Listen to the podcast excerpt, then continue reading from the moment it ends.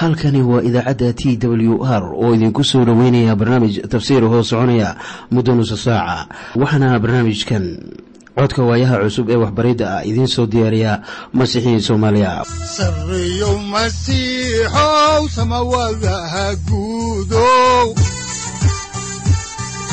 Siraadkii adduunkow subanaha eebow ku soo dhowaada dhegaystayaal barnaamijkeenna dhammaantiinba. Waxaan horay u sii ambaqaadi doonnaa daraasaadkii la magac baxay baibalka dhammaantii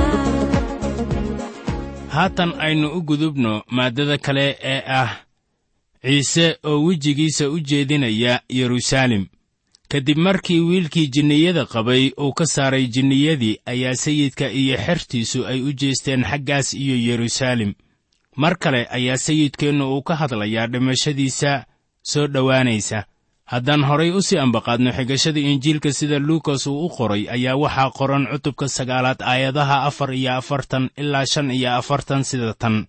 Hadalladanu ha galeen dhegihiinna waayo wiilka aadanaha ayaa dadka loo gacangelin doonaa. Laakiin hadalkaas ayay garan waayeen waana laga qariyey si ayna u garan. Wayna ka cabsadeen inay hadalkaasi wax ka weyddiiyaan haddaba hadalkaas ma ayan garanin waxaana weeye in dhimashada uu ka sara kici doono. Wuxuu haatan kala hadlayaa iyaga dhimashadiisa. Waxaanay kula noqonaysaa in raggan ay la imaanayaan su'aalo. Haddaan horay u sii wadno ayaa waxaa ku qoran aayadda afartan iyo lixaad sida tan. Waxaa ka dhex kacay dood ay islahaayeen keeba ahaan doona kan inoo weyn. Ka dib dhallanroggii ciise waxay kula noqonaysaa inay bilaabeen xertu inay is-hoosaysiiyaan oy mudiic u ahaadaan doonista ilaah. Ha yeeshee intii ay sidaas yeeli lahaayeen waxay door bideen inay u dadaalaan sidii ay horumar kaga heli lahaayeen dhanka masiixa. Waxay ka fakarayeen boqortooyada ha yeeshee waxay iloobeen iskutallaabta waxay aad u doonayeen ammaan aan waxtar u lahayn iyaga. Haddaba fikirkaas ayaa ahaa wax xerta lagu salladay warqaddii rasuul bawlos uu u qoray reer galatiya oo ahaa masiixiyiin ayaa bawlos wuxuu leeyahay sida ku qoran cutubka lixaad aayadda lix iyo labaatanaad sida tan yaynaan iskibrin oon iska xanaajin oon isxaasidin. Haddaan xaalkaasi intaa kaga gudubno ayaan ku soo noqonaynaa injiilka sida luukas uu u qoray waxaana haatan aan eegaynaa cutubka sagaalaad aayadaha toddoba iyo afartan ilaa siddeed iyo afartan waxaana qoran sida tan. Laakiin ciise markuu gartay fikirrada qalbigooda ayuu ilmo qaaday uu is-ag joojiyey markaasuu ku yidhi iyaga ku alla kii magacayga ku aqbalaa ilmahan wuu i aqbalaa oo ku alla kii i aqbalaa wuxuu aqbalaa kii i soo diray. Waayo kii idinku wada yar kaas ayaa u weyn. Haddaba mabda'an waa mid aad u weyn. Waxaan rumaysanahay in kan ugu weyn owliyada u yahay midka aan la garanaynin oo ka mid ah xubnaha kiniisadda kaasoo si deggan oo iimaan leh ilaah ugu shaqeeya. Haddaan horay u sii wadno faallada ayaa waxaa ku qoran aayadaha afartan iyo sagaal ilaa saddex iyo konton ee cutubka sagaalaad sida tan. Yooxanaa baa u jawaabay oo ku yidhi macallimow waxaannu aragnay qof magacaaga jinniye ku saaraya oo waannu u diidnay waayo isagu nama uu soo raaco. Laakiin ciise wuxuu ku yidhi ha u diidina waayo kan aan idinka gees ahayn waa idinla gees. Goortii wakhtigii isaga kor loo qaadi lahaa uu dhowaaday wuxuu wejigiisa u jeediyey inuu yeruusaalem tago. Markaasuu hortiisa cid u diray oo intay tageen ayay galeen tuulo reer samaariya ah inay wax u diyaariyaan isaga iyaga se ma ay dhoweyn waayo wejigiisa ayaa u jeeday xagga yeruusaalem haddaba haatan waxaad ogaataa sida reer samaariya ay u diideen sayidka. Waxaan mar waliba ka fikirnaa qisadii ninkii wanaagsanaa ee reer samaariya. Taasoo ahayd masaalkii ciise laakiin kama ayan absokaynin yuhuudda oo labaduba way diideen sayid ciise masiix. Haddaan horay u sii wadno injiilka sida luukas uu u qoray oo aan eegno cutubka sagaalaad aayadda konton iyo afaraad waxaa qoran sida tan.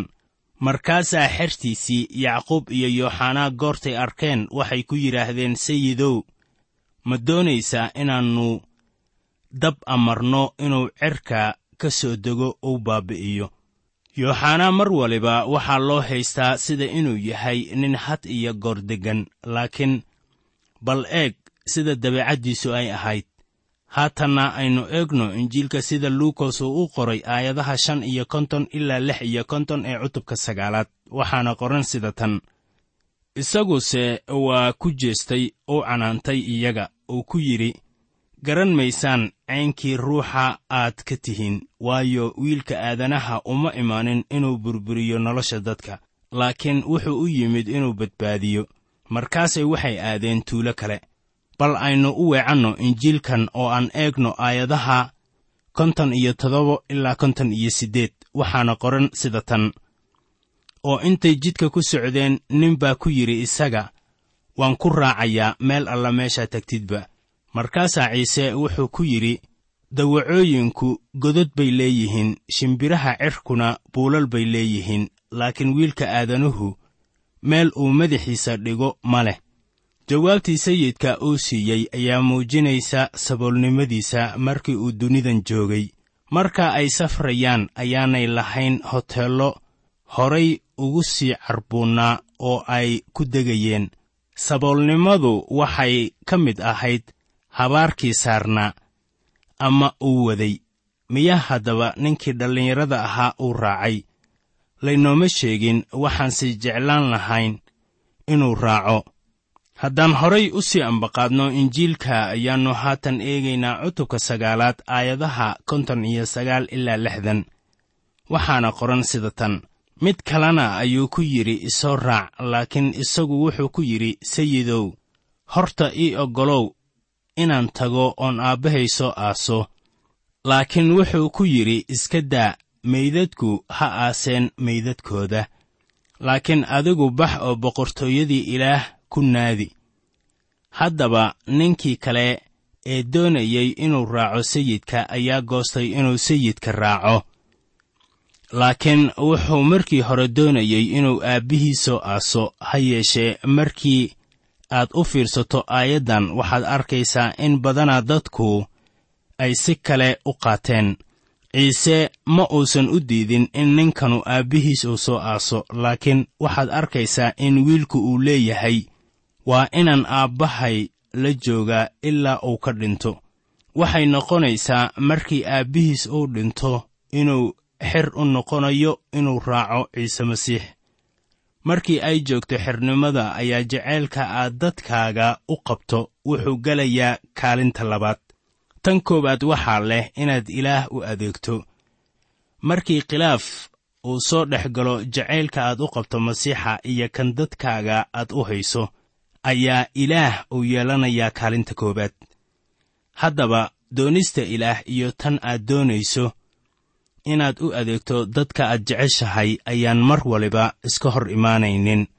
Haddaan horay u sii wadno injiilka sida luukas uu u qoray ayaan haatanna soo gunaanadaynaa cutubka sagaalaad. Waxaanan eegaynaa aayadaha kow iyo lixdan ilaa laba iyo lixdan waxaana qoran sida tan. Mid kale ayaa yidhi sayidow waan ku raacayaa. Laakiin horta ii oggolow inaan kuwa gurigayga jooga ku soo idhaahdo nabadgelyo.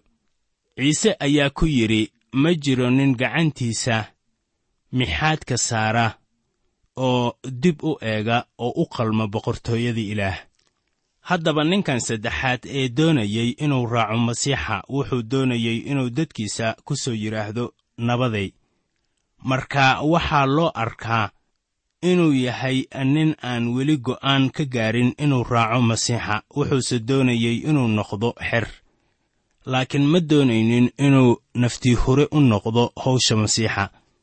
Ma aysan kicinin shuruudda ah inuu si deg deg ah u howlgalo iyo muhiimadda hawshan loo dhiibayaa ay leedahay. Xusuuso in sayidka ciise masiix uu markaasi ku sii jeeday iskutallaabta wuxuu wejigiisa u jeediyey dhanka yeruusaalem si uu halkaasi ugu soo dhinto. Saaxib qiimaha xernimadu waa mid aad iyo aad u sarraysa. Wuxuu inaga dalbanayaa inaan bixinno wax kasta oo aynu leennahay oo nafteennana aynu u hurno. Rasuul bawlos ayaa inagu waaninaya sida ku qoran warqaddii rasuul bawlos uu u qoray dadka filiboy cutubka saddexaad aayadaha saddex iyo toban ilaa afar iyo toban. Waxaa qoran sida tan walaalahayow anigu ku tirin maayo inaan aniga qudhaydu weli qabsaday. Laakiinse wax keliya ayaan samaynayaa waxyaalihii iga dambeeyey intaan iloobo ayaan waxaan laacayaa waxyaalaha iga horreeya. Anigu waxaan dadaal ugu roorayaa xagga goolka ilaa abaalgudka yeerista sare oo ilaah oo ah xagga ciise masiix. Waxaan arkaynaa in abaalgudka lagu helo guclaroor iyo halgan loo galo in hawsha ilaah loo qabto sida ay tahay. Haddaan halkaasi ku soo ekayno ayaan jeclaan lahaa inaan si dawaale ah idinku bilaabo cutubka tobanaad. Haddaba masaallo ayaa ku badan injiilkan uu qoray luukos oo cutubkan ayaa waxaa loo yaqaannaa masaalkii ninkii wanaagsanaa oo reer samaariya ama waxaa afka ingiriisiga lagu yidhaahdo the good samaritan. Ha yeeshee cutubkan wuxuu ku bilaabmayaa ciise oo diraya toddobaatan xer ah waxaana diristaasi ku lamaansan xukunkii uu dusha uga tuuray qorasiinta beedsaydada iyo kafarna'um dabeetana ciise wuxuu inoo sheegayaa masaalkii ninkii wanaagsanaa ee reer samaariya. Cutubkanu wuxuu ku xirmayaa ciise oo jooga gurigii maryan iyo maarta. Haatanse aynu eegno maaddada ugu horraysa ee cutubkan oo ah ciise oo diraya toddobaatankii xerta ahaa. Haddaan markii ugu horraysay idin ambaqaadno kitaabka axdiga cusub. Ayaan fiirinaynaa injiilka sida luukas uu u qoray cutubka tobanaad aayadaha kow ilaa labo. Waxaana qoran sida tan. Waxaa dabadeed sayid ciise masiix soo bixiyey toddobaatan kale oo labalaba ayuu hortiisa u diray ilaa magaalo walba iyo meel walba oo uu tegi lahaa. Wuxuuna ku yidhi waxaan beerta laga goynayaa way badan yihiin shaqaaluhuse way yar yihiin. Sidaa darteed sayidka beergooska barya inuu shaqaalayaal beertiisa u soo diro. Waxaan idiin sheegnay in qarni waliba dhammaadkiisa uu jirayo beerguris. Dadkaasuna ay helayaan wixii ay beerteen. Haddaan tusaale soo qaadanno soomaalidu waxay horay u beerteen qabiilqabiil dhammaadka qarnigii labaatanaadna waxay goosteen faa'iidadii qabiilka ay ka heleen. Haddaba hawshaydu waxa weeye inaan beero midho inoo noqonaya hadalladii ilaah. Taasuna waa hawsha ay leeyihiin masiixiyiinta oo dhan. Haddaan horay u sii ambaqaadno injiilka sida luukas uu u qoray ayaa waxaa ku qoran cutubka tobanaad aayadaha saddex ilaa sagaal sida tan. Socda oo ogaada waxaan idin dirayaa sida baraar oo yeey ku dhex jira. Ha qaadanina kiish ama qandi ama kabo. Ninna jidka ha ku nabdaadinina. Guri alla gurigaad gashaan horta waxaad ku tidhaahdaan gurigan nabad ha u ahaato ina nabdeed hadduu halkaas joogo. Nabaddiinnu waxay ahaan doontaa dushiisa. Haddii kalese way idinku soo noqon doontaa. Gurigaas qudhiisa jooga idinkoo cunaya oo cabaya waxay haystaan waayo shaqaaluhu waa istaahilaa abaalgudkiisa. Guriba guri ha u dhaafina.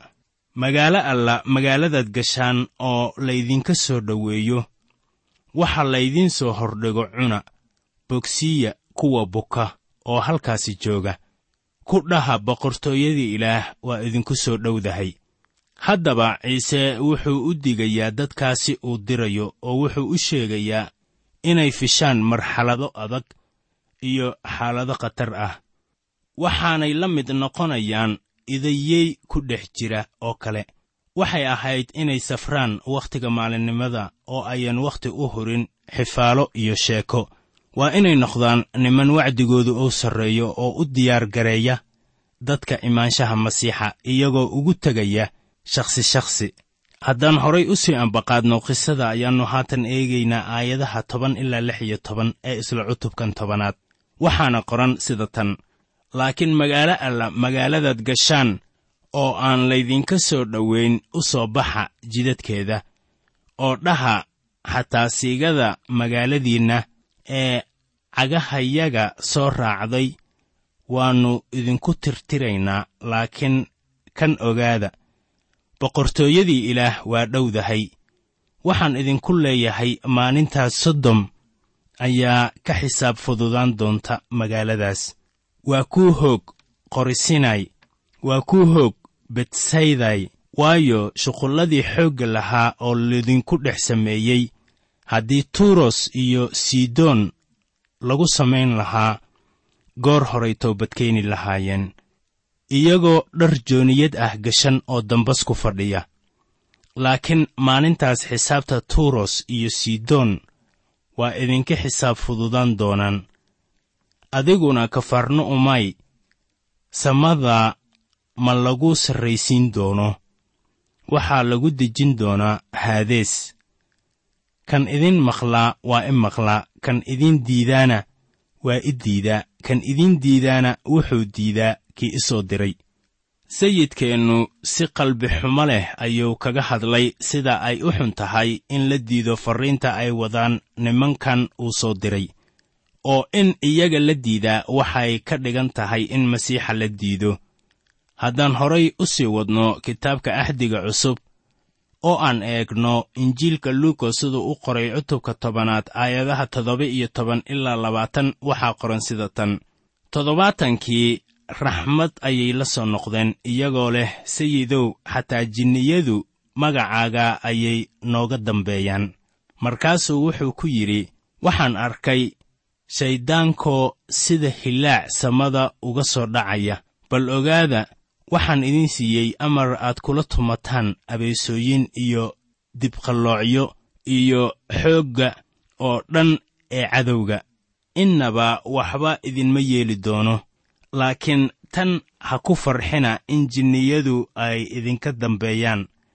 Laakiin ku farxa in magacyadiinnu ay jannada ku qoran yihiin. Si markaasi loo soo gunaanado qisada ku saabsan toddobaatanka nin ee la diray ayaa luukos wuxuu inoo sharaxayaa soo laabashadoodii.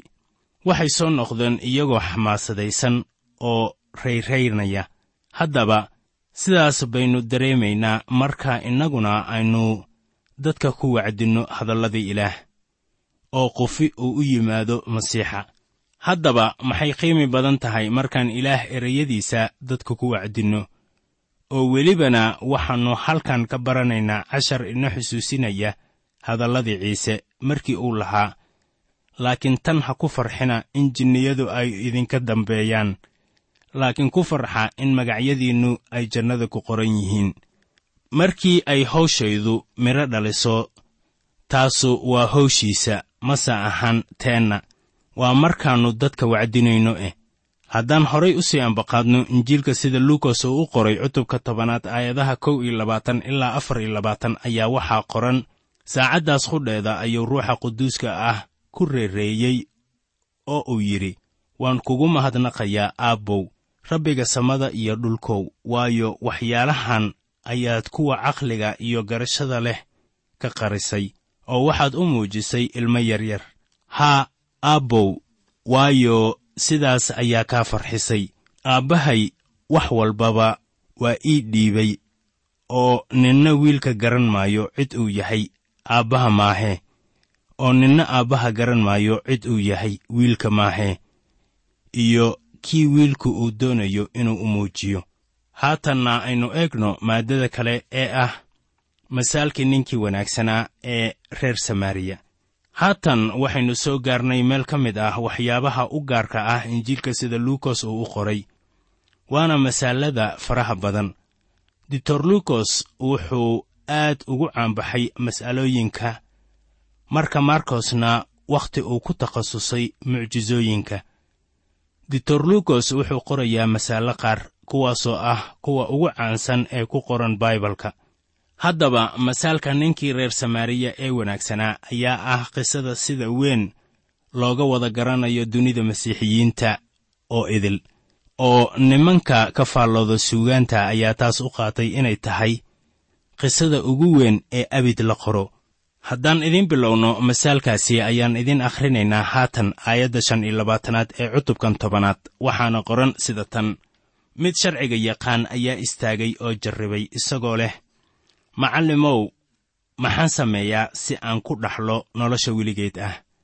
Masaalkan reer samaariyihii wanaagsanaa ayaa ciise uu u soo qaadanayaa inuu kaga jawaabo su'aashaasi ku saabsan nolosha daa'imka ah. Su'aashaasu ma ahan mid daacad loo weyddiiyey laakiin waxay ahayd su'aal wanaagsan oo qiimi leh waxaa su'aashaasi weyddiiyey isaga nin sharci yaqaan ah. Laakiin ma ahayn sharciyaqaannada aynu garanayno. Ninku wuxuu ciise weyddiiyey sida ku qoran aayadda shan iyo labaatanaad ee ah macallinow maxaan sameeyaa si aan ku dhaxlo nolosha weligeed ah. Haddaan horay idinku sii wadno ayaa waxaa ku qoran cutubka tobanaad aayadda lix iyo labaatanaad sida tan wuxuu ku yidhi maxaa sharciga ku qoran sidee baad u akhrisaa? Haddaba ciise wuu garanayey oo sharcigii muuse si weyn buu u yaqaannay haddaan horay u sii ambaqaadno ayaa waxaa ku qoran injiilkan cutubka tobanaad aayadaha toddoba iyo labaatan ilaa siddeed iyo labaatan sida tan.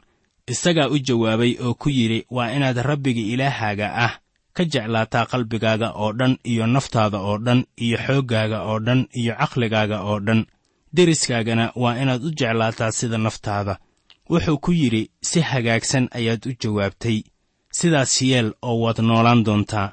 Haatan haddii sharciyaqaankaasu uu daacad yahay taasoo aan filayo inuusan ahayn wuxuu odhan lahaa sayidow si daacadnimo leh ayaan isugu dayey inaan ilaah ku jeclaado qalbigayga oo dhan naftayda oo dhan iyo xooggayga oo dhan iyo weliba maskaxdayda oo dhan iyo inaan deriskayga u jeclaado sida naftayda laakiin waan samayn kari waayey.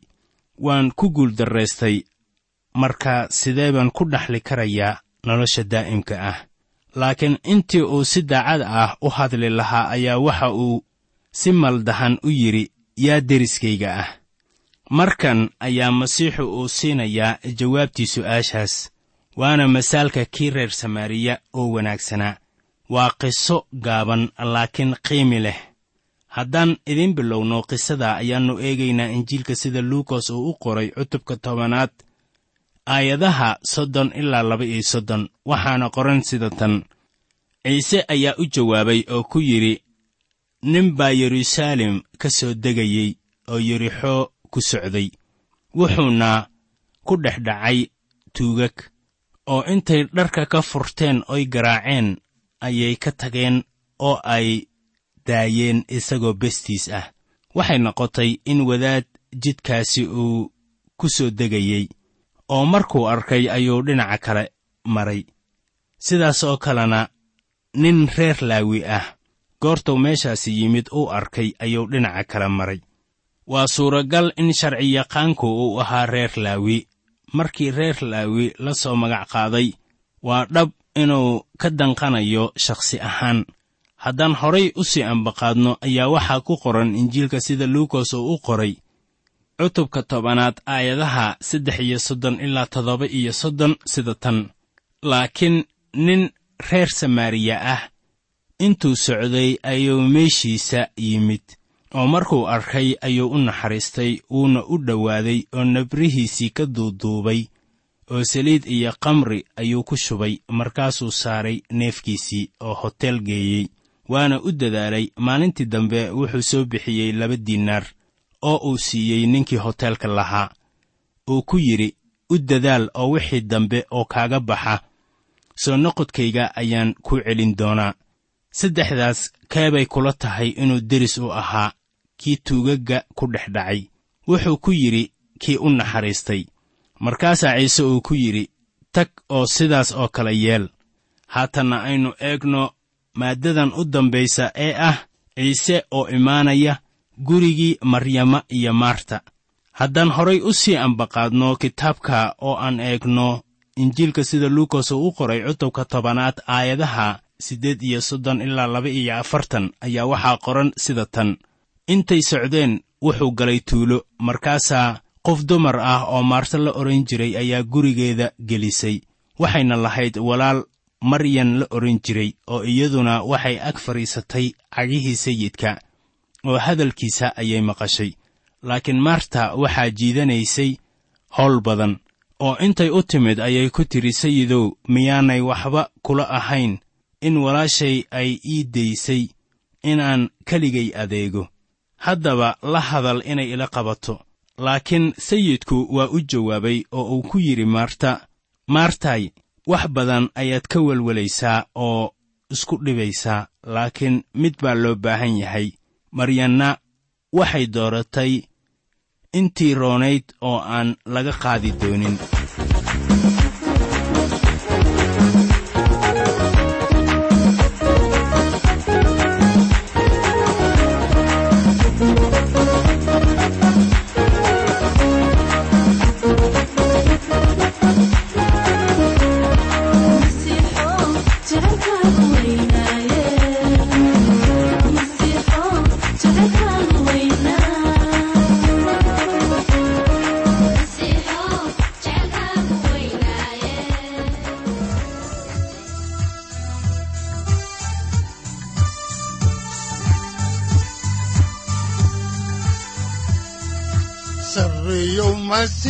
masiixow samawadaha guudow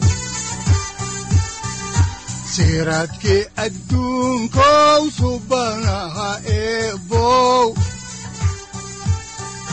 Sarreyow masiixow samawadaha guudow siraadkii adduunkow subanaha eebow adigoo samaada jiro ifkaan soo saldhiganba adigoo samaada jiro ifkaan soo saldhiganba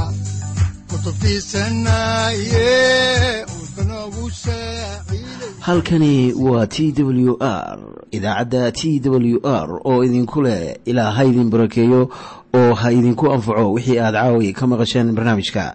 Waxaa barnaamijkan oo kalea aad ka maqli doontaan habeen dambe hadahan oo kale haddiise aad doonaysaan in aad fikirkiina ka dhiibataan wixii aad caawi maqasheen ayaad nagala soo xiriiri kartaan som t w r at t w r c o k e waxaad kaloo iimailada inoogu soo diri kartaan dhegaystayaal cinwaanka yahu-ga oo ah somali t w r at yahu com aaduu u fududyahayaa somali t w r at yahu com. Waxaa kaloo aan idin siin doonaa website aad ka maqashaan barnaamijyada soomaaliga ah si kuwiina doonaya in ay koorasyo ka qaataan bibalka ay ugu suurowdo ama ugu hirgasho